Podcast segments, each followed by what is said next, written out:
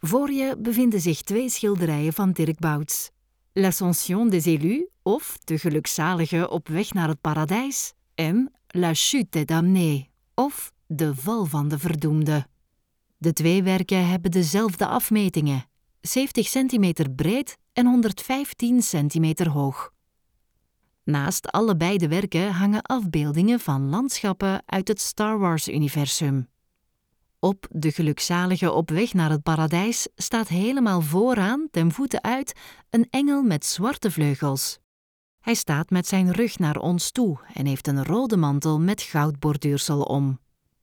De engel begeleidt een groepje van zes mannen en vrouwen, gekleed in een lendendoek. Ze wandelen rechts van hem. Voor het groepje ontvouwt zich een groen, heuvelachtig landschap met struiken, bomen, gras en bloemen. Midden in het landschap staat een hoog, puntig gebouw dat wat weggeeft van een kerktorenspits. Het is de fontein van de eeuwige jeugd. Achter de fontein verheft zich een hoge heuvel. Van overal in het landschap begeven zich mensen naar die heuvel. Op de top van de heuvel knielen biddende mensen.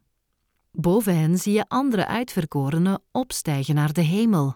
Die is vormgegeven als een lichtende opening in donkere wolken. De val van de verdoemde toont een heel ander landschap. Puntige, kale rotsen waar hier en daar vlammen en rook uit opstijgen. Bovenaan in het midden, waar in het vorige paneel de hoge heuvel staat, bevindt zich hier een spitse, getande klif. Het opvallendste tafereel speelt zich op de voorgrond af. Demonen ranselen naakte en gillende mannen en vrouwen een opening in de grond in. Achter het groepje komen twee demonen aandragen met twee nieuwe zondaars.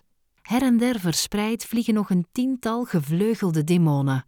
Sommigen hebben ook weer een naakte zondaar vast en brengen die naar het gat in de grond, de toegang tot de hel. Wil je het algemene audiofragment beluisteren? Druk dan op de middelste toets.